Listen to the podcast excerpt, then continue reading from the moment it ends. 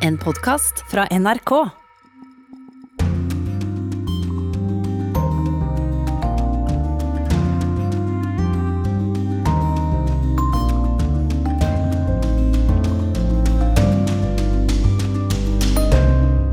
Наши ответные санкции будут зеркальными. Они уже приняты. Об этом скоро мы сообщим. нашим- Russland innfører sanksjoner mot Tyskland og Frankrike. Skisted i Østerrike der mange nordmenn ble koronasmittet, kjemper for sitt gode navn og rykte. Så det her er jo den berykta afterskibanen Kids der så mange nordmenn ble smitta. Her blåste en i lur, i fløyte. Hadde det kjempemorsomt når en eh, festa. Statsminister og fredsprisvinner Abiy Ahmed i Etiopia har sendt regjeringshæren til Tigray-provinsen. Hva skjer, spør vi to Etiopia-kjennere. Også israelere sørger over at palestinernes sjefsforhandler døde denne uken. Her er tidligere utenriksminister for Israel Zippi Livni. I am saddened by the death of Saib Arikat, trying to achieve the same goal peace for our peoples. Pandemi og terror er tema i det første korrespondentbrevet fra vår nye europakorrespondent. Og uten å kunne se ansiktet på en kvinne jeg snakket med ordentlig, fikk jeg heller ikke noe forvarsel før tårene hennes begynte å renne ned på munnbindet. I serien Krig og fred mot slutten av sendingen skal vi høre om USA hva nå, etter at president Trump nekter å trekke seg. Vel møtt til Urix på lørdag, jeg er Dag Bredvei. Først, Russland innfører sanksjoner mot Tyskland og Frankrike. Det skjer for å gjengjelde sanksjonene EU har innført mot russerne etter forgiftningen av opposisjonsleder Aleksej Navalnyj. Наши ответные санкции будут зеркальными. Они уже приняты. Об этом скоро мы сообщим нашим германским и французским. Dette er utenriksminister Sergej Lavrov og korrespondent Jan Espen Kruse i Moskva. Hva sier Lavrov om sanksjonene? Eh, Den russiske utenriksministeren sier at eh, straffetiltakene fra russisk side skal ramme den nærmeste kretsen rundt eh, lederne i Tyskland og Frankrike. Det kan gjelde innreise til Russland og eventuelt å fryse verdier som disse personene kan ha i Russland, selv om det sannsynligvis ikke er så veldig mye akkurat det siste punktet. Men de russiske sanksjonene er altså et svar på eh, det som EU innførte i oktober. Og eh, russiske myndigheter har helt åpenbart blitt veldig provosert av at kretsen, den nærmeste kretsen rundt eh, president Vladimir Putin har blitt rammet av, av straffetiltakene fra EUs side. Sånn at det, det blir de samme, bare motsatt retning. Det vakte oppsikt da Russlands utenriksminister Sergej Lavrov nylig sa at Navalnyj kan ha blitt forgiftet i Tyskland, og er det noe nytt om dette, Jan Espen? Eh, Det Lavrov sa, var at eh, forgiftningen kunne ha funnet sted enten på det tyske flyet som fraktet eh, Navalny fra Russland til Tyskland, eller i selve Tyskland. Lavrov la ikke fram noen bevis for dette. Det ble stående som en påstand. Og der står den saken akkurat nå. Men fra EUs side så blir tiltakene fra russisk side betegnet som ubegrunnede. Og underlig at man setter i gang straffetiltak istedenfor å prøve å finne ut hva det var som skjedde på russisk jord da Navalny ble forgiftet av denne militære nervegiften. Hvilken betydning får saken for forholdet mellom EU og Russland nå? Ja, Nå som eh, russerne da svarer med eh, straffetiltak mot sentrale EU-ledere, så får jo denne saken en mye større politisk betydning enn den har hatt eh, hittil. Nå kommer Navalnyj-saken til å forsure forholdet mellom Russland og de viktigste EU-landene i lang tid framover. Sånn at på sett og vis så vil den jo bli veldig mye mer skadelig for alle parter. Og eh, det er vel neppe russiske myndigheter egentlig godt tjent med. Takk skal du ha, Jan Espen Kruse i Moskva.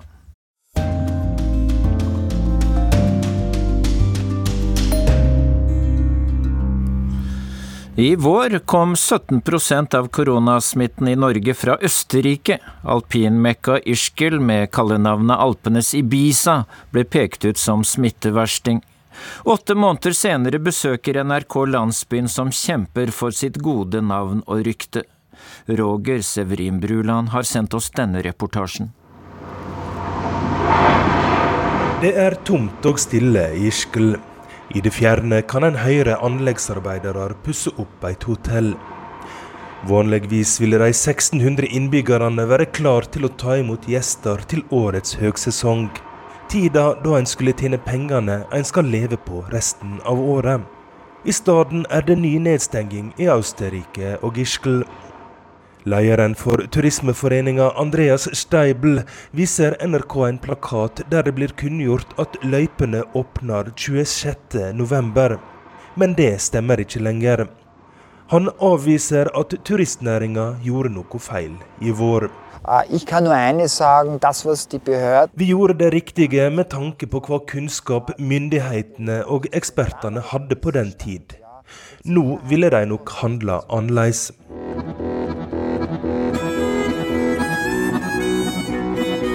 Ischgl blir kalla Ibiza i Alpene. Her har verdensstjerner som Rihanna og Elton John kasta glans. På en vanlig dag i høgsesongen er det 30 000 skiglade turister her som liker å ta seg en fest. Spesielt en afterski-bar fikk rykte på seg for å smitte mange. Kitzloch midt i sentrum.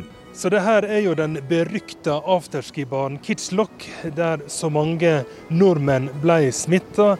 Her blåste en i lur og i fløyte. Hadde det kjempemorsomt når en festa. Og så ble det jo den her baren som eh, fikk egentlig skylda for mye av smitteutbruddet i Norge. Nå er jo Kitzloch eh, stengt. Det er jo for så vidt hele Ischgl pga. nedstengning av samfunnet.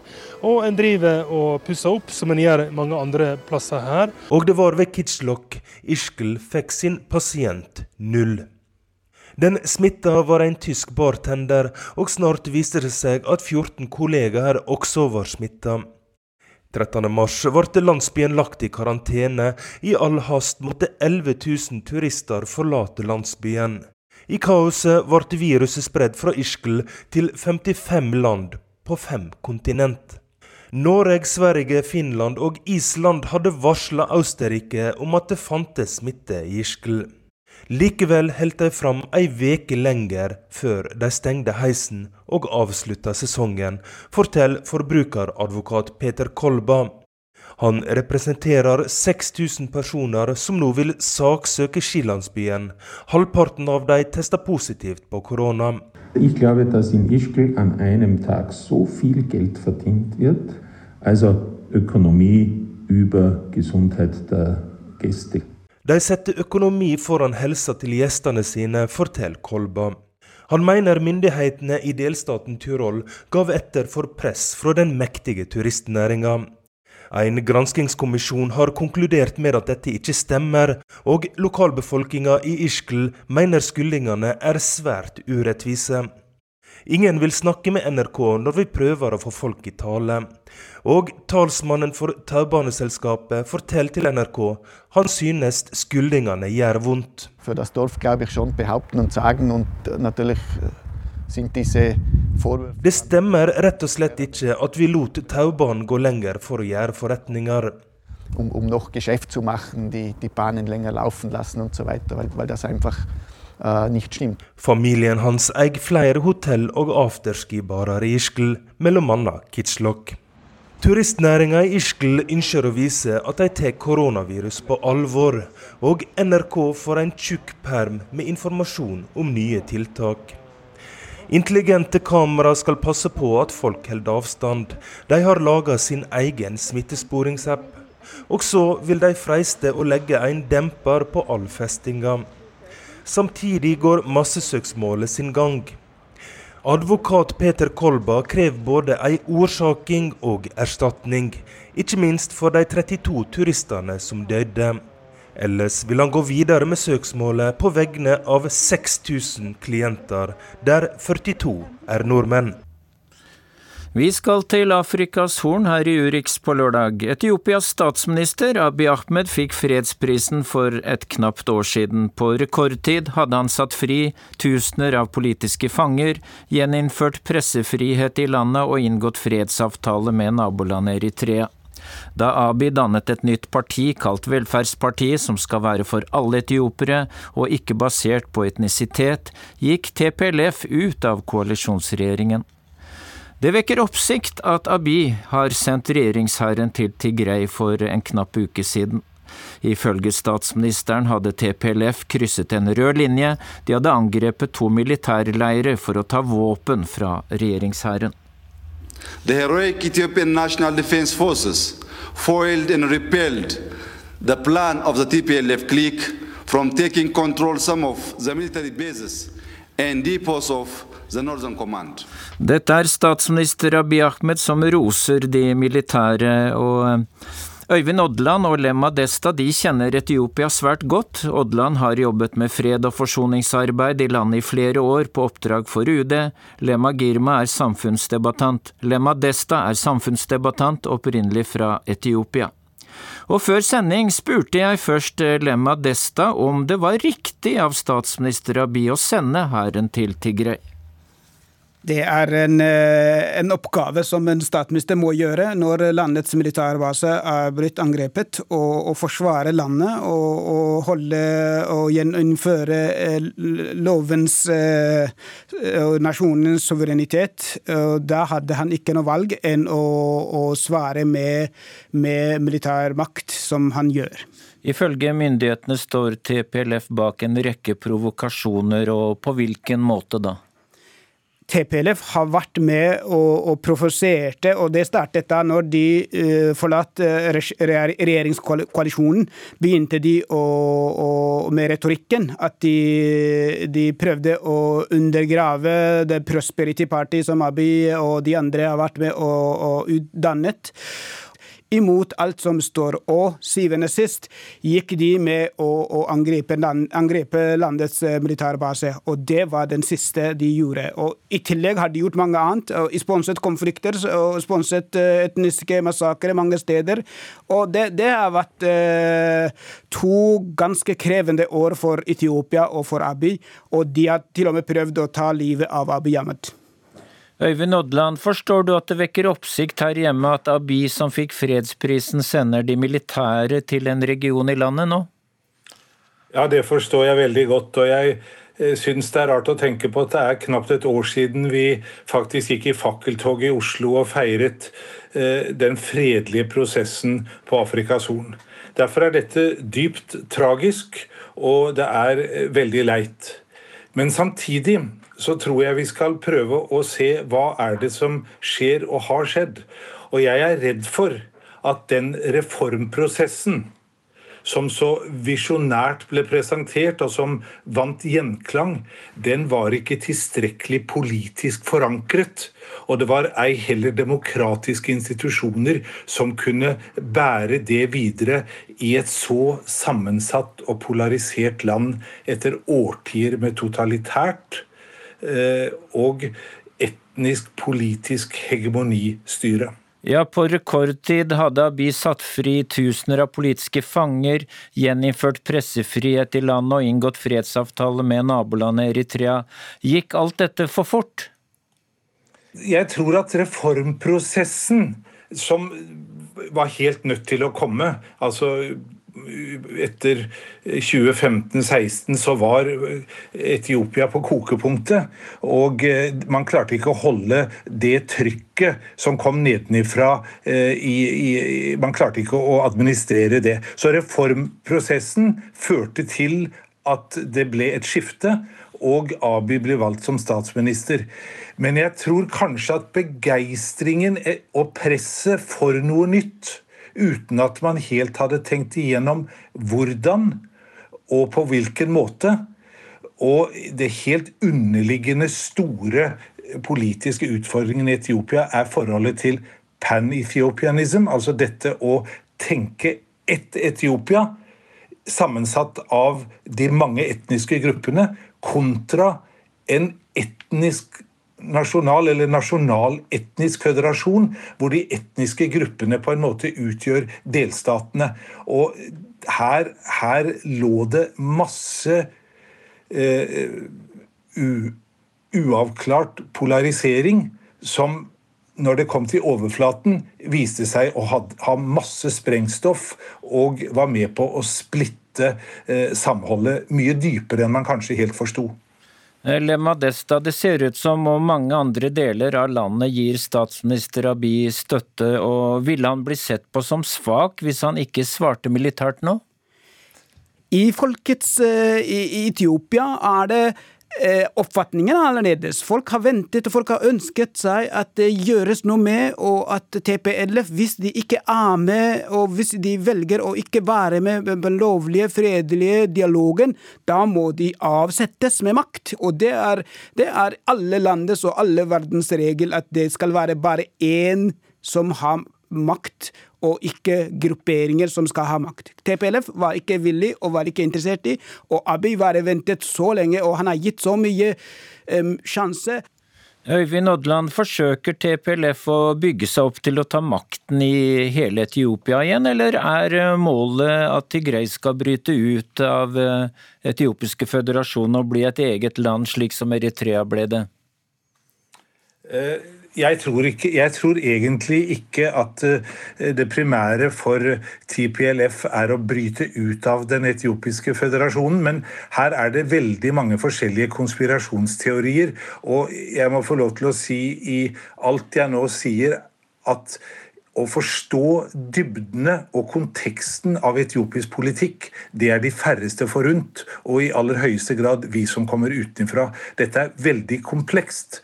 Og jeg tror at det som egentlig også ligger litt i bunnen i konflikten med TPLF, det er det som jeg nevnte, eh, det forskjellige synet på pan-ethiopianism og eh, veldig delegert eh, myndighet til etnisk nasjonale regioner. Og det, de, der er det nok ikke bare TPLF som har en agenda. Der kan det også være andre etniske grupper. Slik at eh, dette forholdet mellom etnisk nasjonalstat, som den nåværende konstitusjonen, eh, som en arv av Melles-regimet, har, har skapt en utrolig polarisering. Og så er det da eh, nåværende sentralregjering med statsminister Abiy som vil reversere dette og skape et ett Etiopia, hvor regionene mer er begrunnet i regionale og administrative deler. Så det er det som jeg tror er noe av kjernen. Og så er det klart at eh, eh TPLF har hatt et hegemonisk politisk overgrep i, i så mange år at eh, det er ikke like lett å være åpne for en reformprosess som setter dem i stor grad til side. Ja, det sa Øyvind Odland. Vi hørte også Lemma Desta.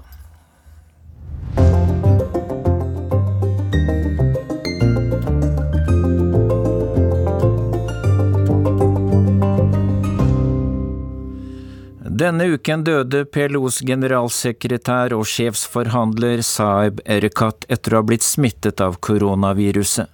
Nå hylles han selv fra sine motstandere. Reporter Anja Strønen har laget denne saken om Saeb Erekat. This is the only way to save the lives of Israelis and Palestinians. Please, let us stop scoring points. Let us stop finger pointing. Let us go to sanity, wisdom and courage and come back to the negotiating table immediately. Dette er stemmen til mannen som aldri ga opp håpet om at palestinerne en dag skal få sin egen stat. Tirsdag døde PLOs generalsekretær Saeb Erekat, 65 år gammel. Nå hylles han av sine motstandere i Midtøsten-konflikten. Her er tidligere utenriksminister for Israel Zippi Livni. We negotiated peace for many hours, representing two different peoples, but yet trying to achieve the same goal peace for our peoples. Og her er tidligere viseutenriksminister og israelsk politiker Yossi Beilin. Dr. Saib Arikat was my partner, and he really believed that uh, cooperation and cohabitation with us will benefit his interest, his national aim. Når politiske motstandere så på Erekat som en partner, sier det ganske mye om betydningen han har hatt. Erekat er fra Jeriko på Vestbredden. Han vokste opp med seks brødre og søstre. Han var bare tolv år gammel da Israel rykket inn. Ett år senere ble han arrestert av israelerne for å ha malt antiokkupasjonsgraffiti, dele ut flygeblad og kaste stein. Det var slutten på barndommen og begynnelsen på voksenlivet med en klar identitet som palestiner. Etter mange år med studier i internasjonale relasjoner og statsvitenskap i USA, gikk ferden til England og en doktorgrad i fred- og konfliktstudier, før han vendte tilbake til Vestbredden, der han underviste i statsvitenskap. Han dukket opp for første gang på den internasjonale scenen under en fredskonferanse i Madrid i 1991, iført det sterkt symbolske palestinske skjerfet rundt halsen. Det var første gang israelere og palestinere satt sammen. Erkat ble en av Fatah-grunnlegger Yasir Arefats aller nærmeste medarbeidere, og han har vært involvert i nesten hver eneste forhandlingsrunde mellom israelere og palestinere. Jan Egeland var statssekretær i Utenriksdepartementet da Oslo-avtalen ble framforhandlet.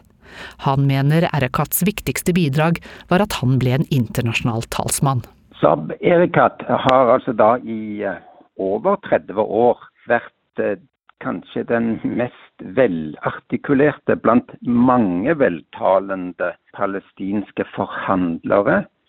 Han var også i stand til å forstå den andre siden, og han var interessert i forhandlinger, han var god på forhandlinger. Med sin akademiske bakgrunn, flytende engelsk og humoristiske kommentarer var han en yndet samtalepartner for utenlandske journalister, og ble ofte sitert i vestlig presse.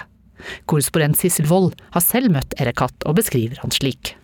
Jeg husker veldig godt energien hans og den følelsesladde måten han snakket på. Han sa uansett hvor frustrerende det er å snakke med israelerne, særlig etter at Likud og Benjamin Netanyahu nesten gjorde fredsforhandlinger umulig, så sa han at jeg gjør dette for at barnebarna mine ikke skal bli selvmordsbombere. Erekat har i årenes løp flere ganger gått av som sjefforhandler. Men han kom alltid tilbake, og siden 2015 har han hatt den mektige stillingen som PLOs generalsekretær. Erkat holdt i hele sin politiske karriere fast på ideen om en tostatsløsning, men tross sitt talent for diplomati kom han aldri i mål med sin drøm. Tvert imot har Midtøsten-konflikten tilspisset seg etter president Donald Trump lanserte sin såkalte fredsplan, som ble utarbeidet uten palestinsk medvirkning. Slik kommenterte Erekat planen. It is the fraud and the hawks of the century. Da Erekat testet positiv for koronaviruset 8.10 i år, tekstet han Israels tidligere utenriksminister og sa Jeg er ikke ferdig med det jeg ble født til å gjøre. Nå er det opp til noen andre å fullføre Erekat sin drøm. Frankrike er inne i sin andre smittebølge og har stengt ned samfunnet. I Paris får kun matbutikker og apotek lov til å holde åpent, men at bokhandlerne må stenge, klarer mange ikke å tolerere. Da dør franskmennenes sjel, sier de. Johan Tolgert har sendt oss denne reportasjen fra Paris. Bonjour. J'ai créé un mouvement qui s'appelle euh, Rallumer les feux de la librairie. Varje dag tänder en författare ett levande lys i en bokhandel någonstans i Frankrike. Det berättar här Marie-Rose Guarnieri, eier till kända bokhandeln Les Abbes. Det är hon som står bakom initiativet. Här i Montmartre, i Paris norra delar, står barnkarusellen still. Caféerna är svarta, gatorna är tysta. Nästan allt är stängt, förutom en matbutik och ett apotek. Paris har blivit en spökstad i och med lockdown, tycker Marie-Rose. Men släcker man ner bokhandlarnas kraft så dör fransmännens själ. Si on laisse éteindre le feu de la librairie, on va ouvrir les incendies de l'âme. Utan våra 3400 oberoende bokhandlare kan fransmännens tålamod ta slut och snart explodera. Då kan det gå våldsamt till på boulevarderna, varnar hon. C'est-à-dire que vraiment, on laisse ouvert la porte à tous les colères. Bokhandelsägaren har anpassat sig till click and collect. Systemet innebär att kunden beställer böckerna på internet och kommer att hämta dem vid en lucka i dörren. Men ingen kund får besöka bokhandeln. Eieren bryter därmed mot loven som låter dem komma in och betala vid kassan. Inne i butiken kikar kunden efter andra böcker att köpa också. Vid poliskontroll kan dock straffet bli strängt. Marie Rose kan tvingas stänga bokhandeln för all framtid. Jag tar dock risken, för jag har inget att förlora, säger hon till mig. Ja, hela 12 000 små kvartersförrättningar gick i konkurs under första lockdown i våras, meddelar medierna. Nu i höst förvärras läget. Medan internetsällskapen tjänar massvis av pengar på krisen meddelas det också i medierna. Kanske hjälper det Marie Rose att ha fått en gudmor. Paris borgmästare Anne Hidalgo kom nämligen hit häromdagen för att ge sitt stöd under coronakrisen. Även om rösten är mjuk var borgmästaren riktigt sint. N'achetez pas sur Amazon, c'est la mort de nos librairies et de notre vie quartier. Nätjättarna dödar våra oberoende bokhandlare. Handla inte hos dem, uppmanade Anne Hidalgo. Kom ihåg hur mycket vi älskar våra små kvartersförrättningar, säger borgmästaren. Euh. President Macrons premiärminister Jean Castex meddelade i torsdags att lockdown ska hålla på till minst den 1 december. Det har förstås ökat fransmännens missnöje. Flera oppositionspolitiker anklagade i veckan sin tur president Macron för att hota demokratin då han tar viktiga lockdownbeslut under hemliga möten med militärer i det nationella säkerhetsrådet. Vanligtvis medverkar militärerna i politiska sammanhang enbart när det är krig. President Macron har försvarat sig med att Frankrike är i krig mot ett virus. När jag lämnar bokhandeln säger jag på ett mycket traditionellt franskt vis merde, ett svärord som översatt betyder jävlar, men som är helt accepterat i sådana här sammanhang. Innebörden är att jag önskar Marie Rose Guarnieri lycka till under krisen. Och när jag ropar jävlar så svarar bokhandelsägaren hövligt tack så mycket. Merde. Merci monsieur, merci. merci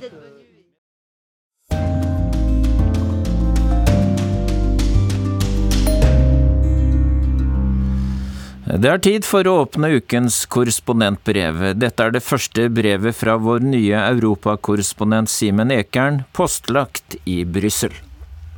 Første gang jeg flyttet til Brussel på slutten av 90-tallet, var byen preget av en enorm optimisme, i alle fall blant Erasmus-studentene jeg tilbrakte tiden med. Europas framtid var lys, og som noen og 20-åringer var det jo vi som var framtiden, så det lovet godt, det hele. Andre gang jeg flyttet til Brussel, i 2010, så det mørkere ut. Nå var det finans- og eurokrisen som dominerte byen. Europas framtid står på spill, sa en bekymret Angela Merkel på det første EU-toppmøtet jeg skulle dekke. Men både Europa, EU og Brussel holdt seg på beina, sånn noenlunde. Ti år senere, den tredje gangen jeg kom for å bo i Brussel, nå som NRKs europakorrespondent, ble byen stengt ned. Det vil si, de første ukene i september var først og fremst preget av munnbinddiskusjoner. Myndighetene strammet inn og lempet på påbudene, litt ettersom hvor i byen man var. Men grunntonen signaliserte at dette kom til å gå seg til. Butikker, barer og restauranter ønsket folk velkommen. Da jeg søkte ly for kulda og regnet under en kafémarkise for å ha min første direkterapport til Dagsrevyen fra byen, kom eieren etter hvert ut fra det folketomme lokalet. Han var straks ferdig med oppussingen, fortalte han, mens han rakte meg en varm kopp kaffe. Vi åpner om en ukes tid. Da får du komme og få kaffe hver dag. Det var en hyggelig velkomst til min nygamle hjemby. Så begynte koronatallene å stige eksponentielt. Den nyoppussede kafeen rakk aldri å åpne. Under pandemiens første fase i vår var jeg innestengt i Roma. Det var en klaustrofobisk, nesten lammende opplevelse. Antageligvis skjedde det viktige ting rundt om i verden i løpet av de ukene, men det fikk ikke jeg med meg. Den første bølgen var altoppslukende. Og slik har det ikke vært nå i høst. Jeg har reist rundt og snakket med folk om helt andre ting. Om syklisme, om fascisme, om terrorisme. Det bemerkelsesverdige er likevel at dette viruset ligger som et filter over alt annet. Det trenger seg inn i alle saker. Korona er blitt lufta vi puster inn. Jeg merket det kanskje med størst kraft i Paris, der jeg skulle lage en reportasje om den voldsomme økningen i antall syklister i byen. Mens jeg pakket bagen for å dra, kom meldingen om at læreren Samuel Paty var blitt halshugget etter å ha vist noen karikaturtegninger i klasserommet. Og den kvelden jeg kom fram til den franske hovedstaden, innførte Emmanuel Macron portforbud pga. en eksplosiv økning i smittetilfeller. Etter terrorangrepene på konsertstedet Bataclan ved en fotballstadion og ved barer og restauranter i november i 2015 svarte Paris med slagordet 'Tous en terrasse', alle til uteserveringen. Terroristene hadde angrepet en vital del av livet i Paris. Å gå ut og spise og drikke, se fotball og høre på musikk. Svaret var å gjøre mer av det samme. Nå var det annerledes. Annerledes fordi det var en lærer som var målet, selvsagt. Men også annerledes fordi man ikke kunne gå ut og ta et glass om kvelden og protestere samtidig. Nå skulle alle være hjemme, alene, ikke sammen på uteserveringen. Den høytidelige minnemarkeringen for læreren som Emmanuel Macron holdt ved Sorbonne-universitetet, begynte tidlig og varte kort. Vi måtte alle rekke hjem før portforbudet, var forklaringen. Koronapandemien har grepet inn i det fellesskapet mennesker vil føle når vi er i sorg. Slik har sykdommen både vært årsak til sorgen, fordi folk har dødd av korona, og årsak til at sorgen blir mer ensom og isolert, fordi det er farlig å dele den med andre mennesker. I Conflans, byen der Samuel Paty ble myrdet, var det så iøynefallende at jeg hadde vansker med å blunke. Man snakker gjerne om en by i sjokk når noe tragisk har hendt. Men dette var første gang jeg fikk merke hva klisjeen egentlig kan bety på et lite sted der alle på et eller annet vis har en forbindelse til det som har skjedd. Da vi kom fram til byen, hadde minnemarsjen akkurat startet. Hundrevis av mennesker i skumringen, men ingen ansikter. Bare oppsperrede øyne over munnbind. Sorgen var dekket til, på en måte, men sjokket sto klarere fram. Ingen fjes, bare ren fortvilelse. Og uten å kunne se ansiktet på en kvinne jeg snakket med ordentlig, fikk jeg heller ikke noe forvarsel før tårene hennes begynte å renne ned på munnbindet. En ukes tid senere var jeg i Nord-Italia, nærmere bestemt i Benito Mussolinis fødeby. Her møtes nostalgiske nyfascister et par ganger hvert år for å markere viktige datoer i fascistdiktatorens liv, men denne høsten var oppmøtet skralt. Arrangørene skyldte på pandemien. Alle deltakerne hadde munnbind, noen med italienske flagg, andre med portrett av Mussolini. To eldre menn som tydeligvis møttes igjen for første gang på lenge, tok seg i det rett før de skulle ta hverandre i hånden. De så litt ubekvemme ut før den ene kom på løsningen og strakte armen rett opp og ut på fascistisk vis. Vi kan jo hilse sånn, sa han gledesstrålende. Men det var ikke med glede deltakerne dekket til ansiktet. Disse maskene er en krigserklæring, fortalte Roberto Venturi, en mann i 40-årene med glattbarbert isse. De vil at vi skal tie stille. Men covid finnes ikke. Jeg er fortsatt frisk som en fisk, så hvor er denne sykdommen? Munnbind er den nye fascismen, sa Robertos sidemann og smilte. Jeg tror det var en slags vits fra hans side for å vise at selv fascister er klar over at fascist stort sett er et skjellsord, men Roberto hadde ikke sans for spøken. Fascisme er ikke et stygt ord, skjelte han. Mussolini hadde håndtert pandemien bedre. Tilbake i Brussel er kafeen til den hyggelige mannen som bød på gratis kaffe, fortsatt stengt. Sykehuskapasiteten er sprengt, selv om smittetallene akkurat nå er på vei ned igjen. Det hjelper når folk ikke er ute blant andre mennesker, naturligvis. Og på sikt ligger kanskje løsningen bare 25 km unna her jeg sitter og skriver dette. For her i Belgia, i en liten kommune som heter Purs, ligger en av de to fabrikkene der den nye vaksinen skal produseres.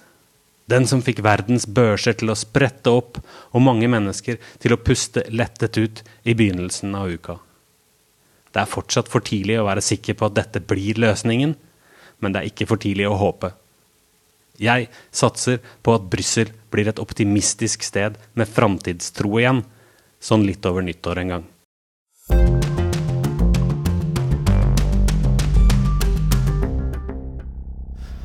Ukens utgave av Krig og fred handler om dramatikken etter valget i USA. Trump nekter å gi seg. Er det farlig for demokratiet i USA, spør Tove Bjørgaas og Tore Moland. Joe Biden vant presidentvalget, nokså knepent. Men ikke så knepent om en sammenligner med 2016. For da avgjorde Trump med 77 000 stemmer i tre delstater, Pennsylvania, Michigan og Wisconsin. Nå vant Biden med 215 000 stemmer i de samme delstatene. Likevel vil Donald Trump ha rettssaker, ny opptelling, og han nekter å godta at han har tapt. Hvor farlig er det for demokratiet i USA? Du hører på Krig og fred med Tore Moland og Tove Bjørgaas.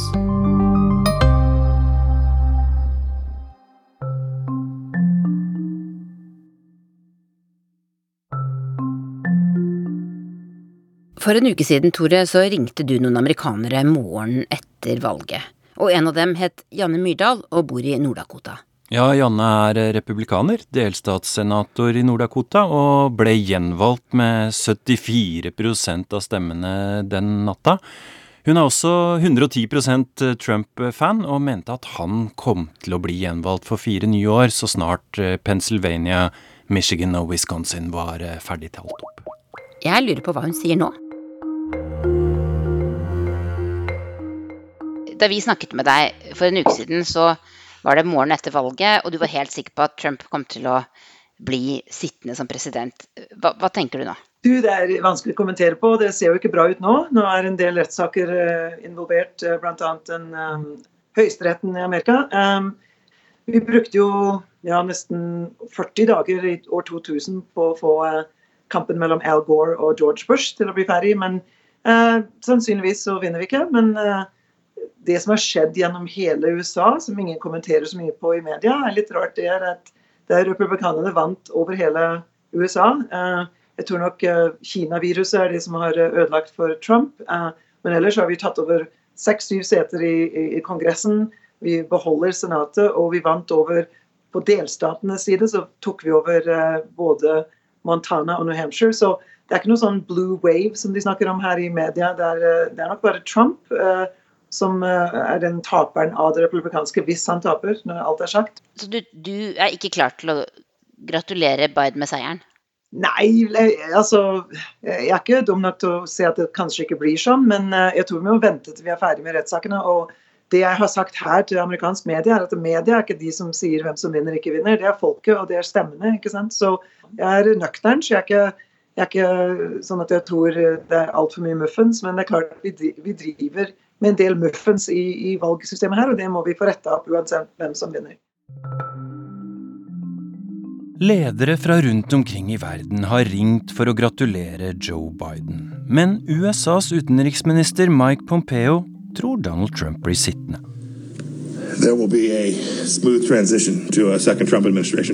Det blir en mjuk overgang fra Trumps første til Trumps andre periode, sier Pompeo med et smil og føyer seg inn i ei rekke av sentrale republikanere som hevder at president Trump ikke har tapt valget.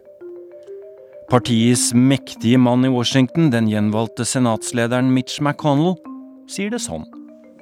We have the system in place to consider concerns, and President Trump is 100% within his rights to look into allegations of irregularities and weigh his legal options.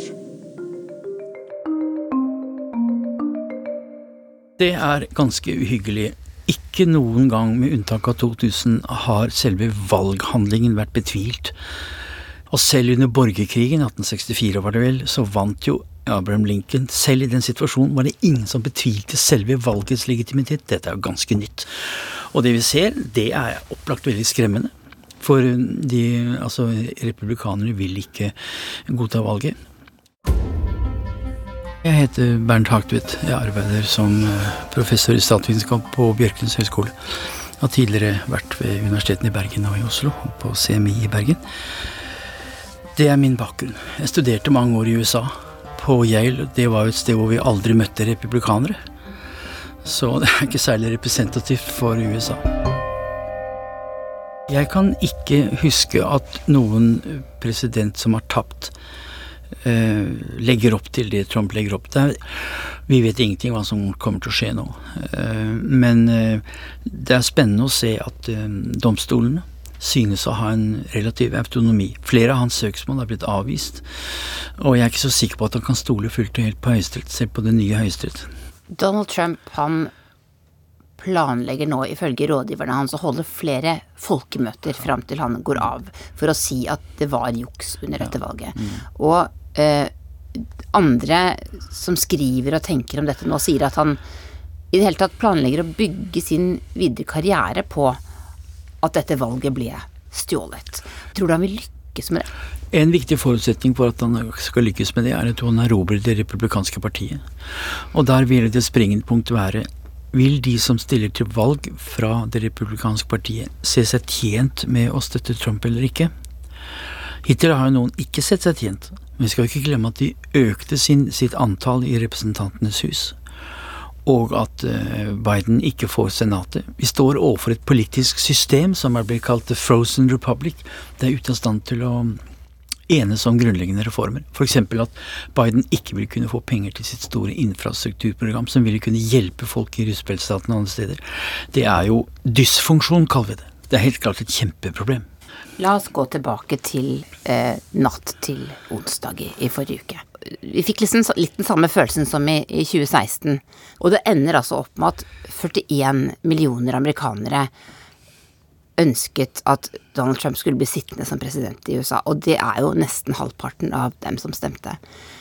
Hvordan vil du forklare det? For å kunne forklare det, så må vi sette søkelyset på den amerikanske politiske kulturen. Og der syns jeg det er riktig å starte med et bilde som den store sosiologen Erlin Hochschel hadde i boken. Uh, I boken hvor hun levde fem år med Trump-tilhengere i Louisiana. Der traff hun folk som sa Ser du denne flotte trappen oppover? Det er sosial mobilitet. Der er Der skal vi. Men hva ser du? Inn fra venstre kommer det kvinnesaksfolk, LHBT-folk, svarte, og de skyver seg inn og stopper oss. Og hva verre er, de har støtte fra den føderale staten.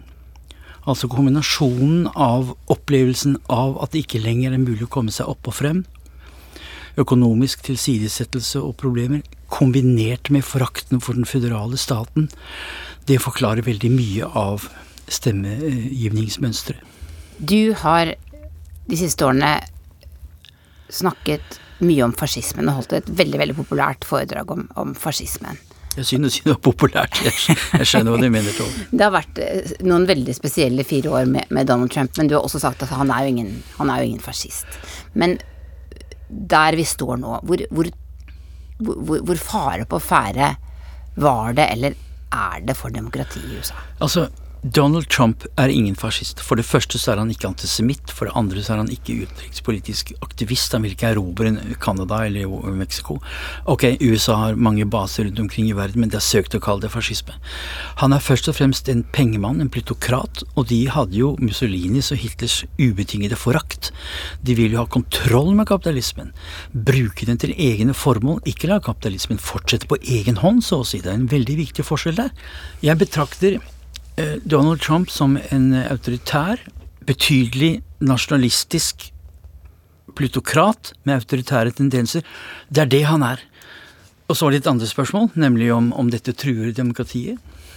Vel, hvis han hadde blitt gjenvalgt nå, så ville han ha fylt de militære styrkene med sine egne folk. Han ville ha fylt FBI og CIA, og han ville ha fylt domstolsadministrasjonen ned til laveste nivå med sine egne folk. Det ville vært en trussel. Han har også opplevd at Fox News har vært distansert. Jeg må si at mediene på sett og vis, selv om Fox News har vært hans uh, leietager, så har mediene vist en viss form for selvstendighet. Det gjelder jo New York Times og den liberale pressen, men det gjelder jo også faktisk eh, Fox News til en viss grad på slutten. I det amerikanske systemet går det ganske lang tid fra et presidentvalg til den nye presidenten blir tatt i ed. Valget holdes alltid den første tirsdagen i november, og i nesten 90 år har den formelle maktovertagelsen, innsettelsen av en ny president, skjedd 20. januar, to og en halv måned senere. Det er fordi en nyvalgt president trenger tid til å sette seg inn i ting, og til å rekruttere folk. Det første som pleier å skje, er at en nyvalgt president får penger fra Kongressen for å forberede maktovertagelsen. Men denne gangen har det føderale kontoret som skal gi Joe Biden tilgang til disse pengene, så langt nekta å gjøre det. Altså, I Storbritannia så flyttet jo, flyttet jo Churchill ut morgenen etter han tapte i 45. En helt annen tradisjon. Tyskland utenkelig. Um, Frankrike det er akkurat det samme. Det flytter ut umiddelbart fra Eileshyppelasset. Um, samme gjelder også Spania. Italia en særsak, men det er USA som har denne lange perioden fra valgets uh, slutt til uh, overtakelse. Nei, det er altså Her i Norge blir det umiddelbare maktskifter ikke sant? med en gang. Det tror jeg kan være klokt. Men Janne, vi som sitter her i Norge nå, vi er jo veldig urolige når vi ser hvor uenige dere er i USA. Hvor utrolig splitta folk er. Og det virker nesten som det er flere land, på en måte. Eh, er det sånn vi skal se på det? Nei, jeg tror nok media spiller litt opp på det. Altså, det er klart at Trump har vært en, en, Jeg har sagt det før, det er ikke negativ, men en artig skue som går ut og shoot from the hip ikke sant, politisk. og det virker kanskje som han har delt eh, Amerika i to. Jeg tror de har begynt for lenge siden, 20 år siden. og Jeg tror Obama hjalp godt med på det, her nå. Men eh, nei, jeg tror ikke det folket er i Amerika akkurat som det er hjemme i Norge. Vi vil ha fred, vi har gode jobber, god økonomi, helse. Uh, ha barna vokst opp med gode skoler. Akkurat samme som, som, hjemme i Norge. Men jeg tror Amerika, fordi vi er en verdensleder. ikke sant? Vi er uh, den største nasjonen og sterkeste nasjonen uh, både økonomisk og, og militært. Så tror jeg nok folk følger med. Og Norge er jo en kjempegod venn til Amerika og vis-à-vis. Så jeg tror ikke du bør være bekymra for det. Og jeg tror, som vi begynte å snakke om tidligere, at selv om eh, Biden nå mulig sannsynligvis vinner eh, presidentskapet, så betyr ikke det at, eh, at demokratene vant stort, republikanerne vant stort over hele landet.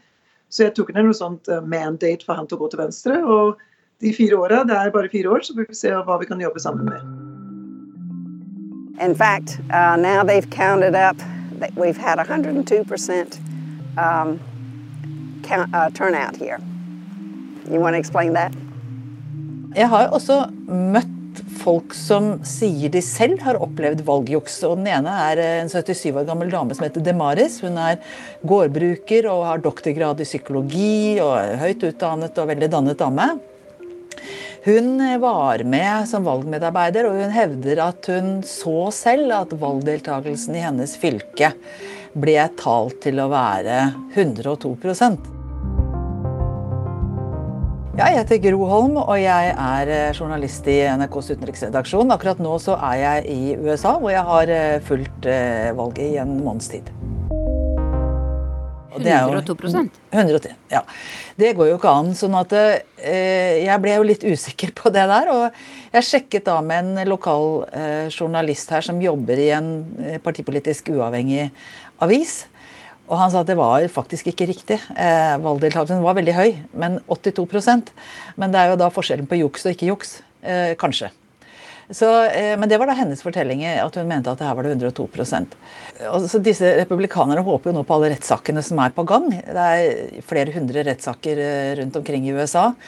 Eh, og så er de veldig veldig opptatt av å få flertall i Senatet. Slik at de får et klart, får et klart flertall i Senatet og kan stoppe Eh, demokratiske lovforslag og initiativ eh, inntil neste mellomvalg om to år, hvor de da regner med at de skal få flertall klart i Senatet. Du var jo i Pennsylvania du, når det endelig ble avgjort der eh, at Biden hadde eh, fått flest Eller ble erklært som vinner.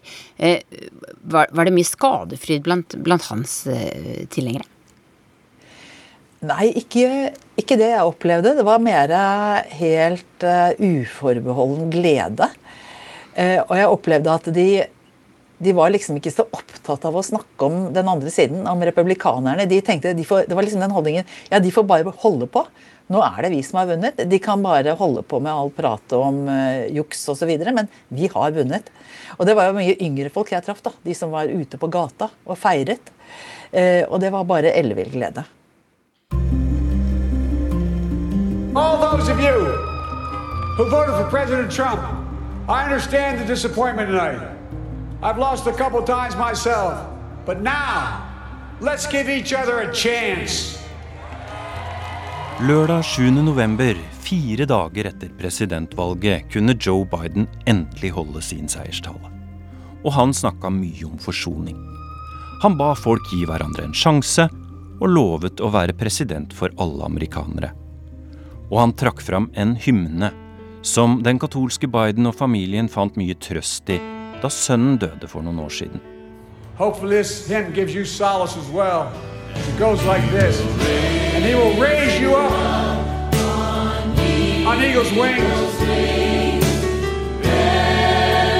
Bear you on the breath of dawn. And make you to shine like the sun. Kanskje var hymnen en utstrakt hånd til Trumps kristne velgere, i håp om å vinne også deres støtte?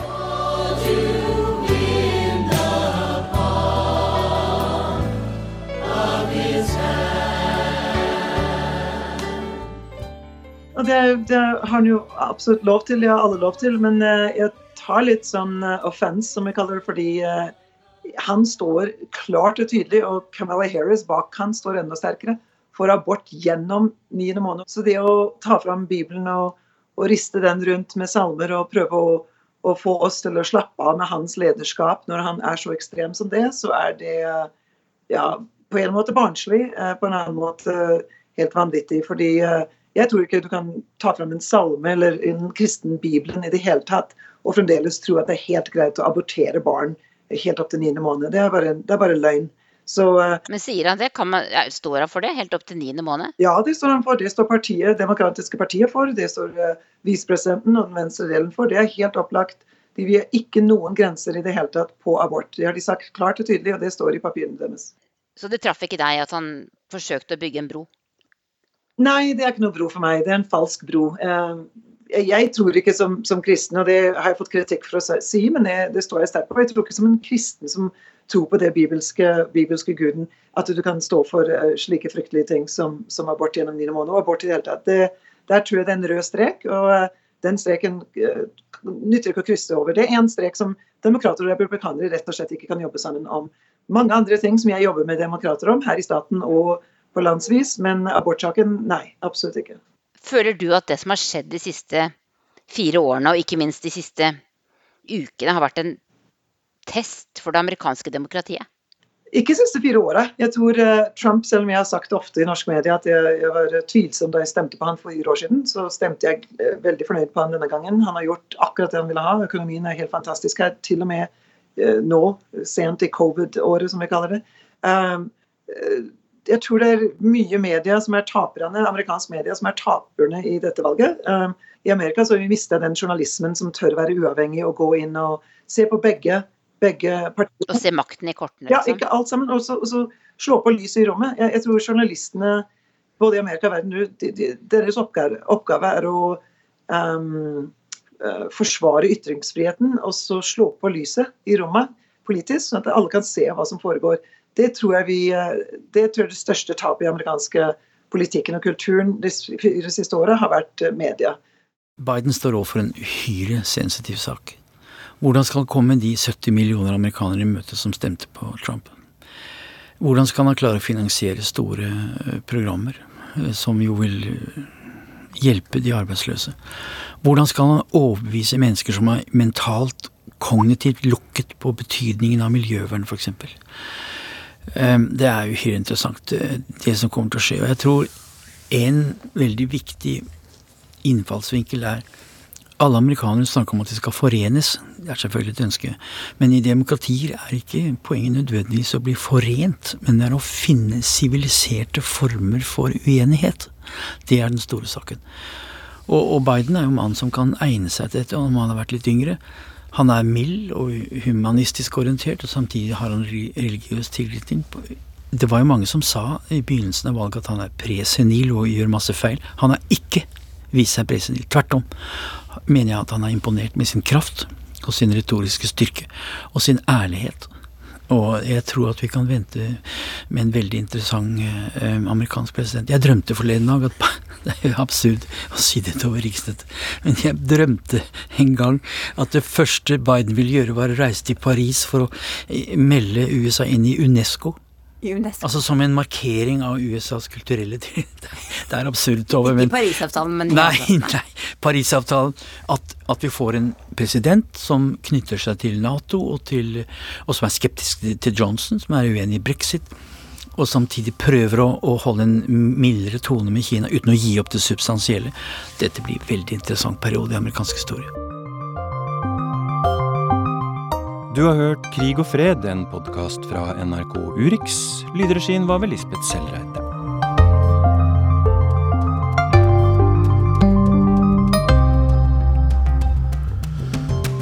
Urix på lørdag er straks slutt. Teknisk ansvarlig Finli, produsent Truls Lier og jeg, Dag Bredvei, takker for følget.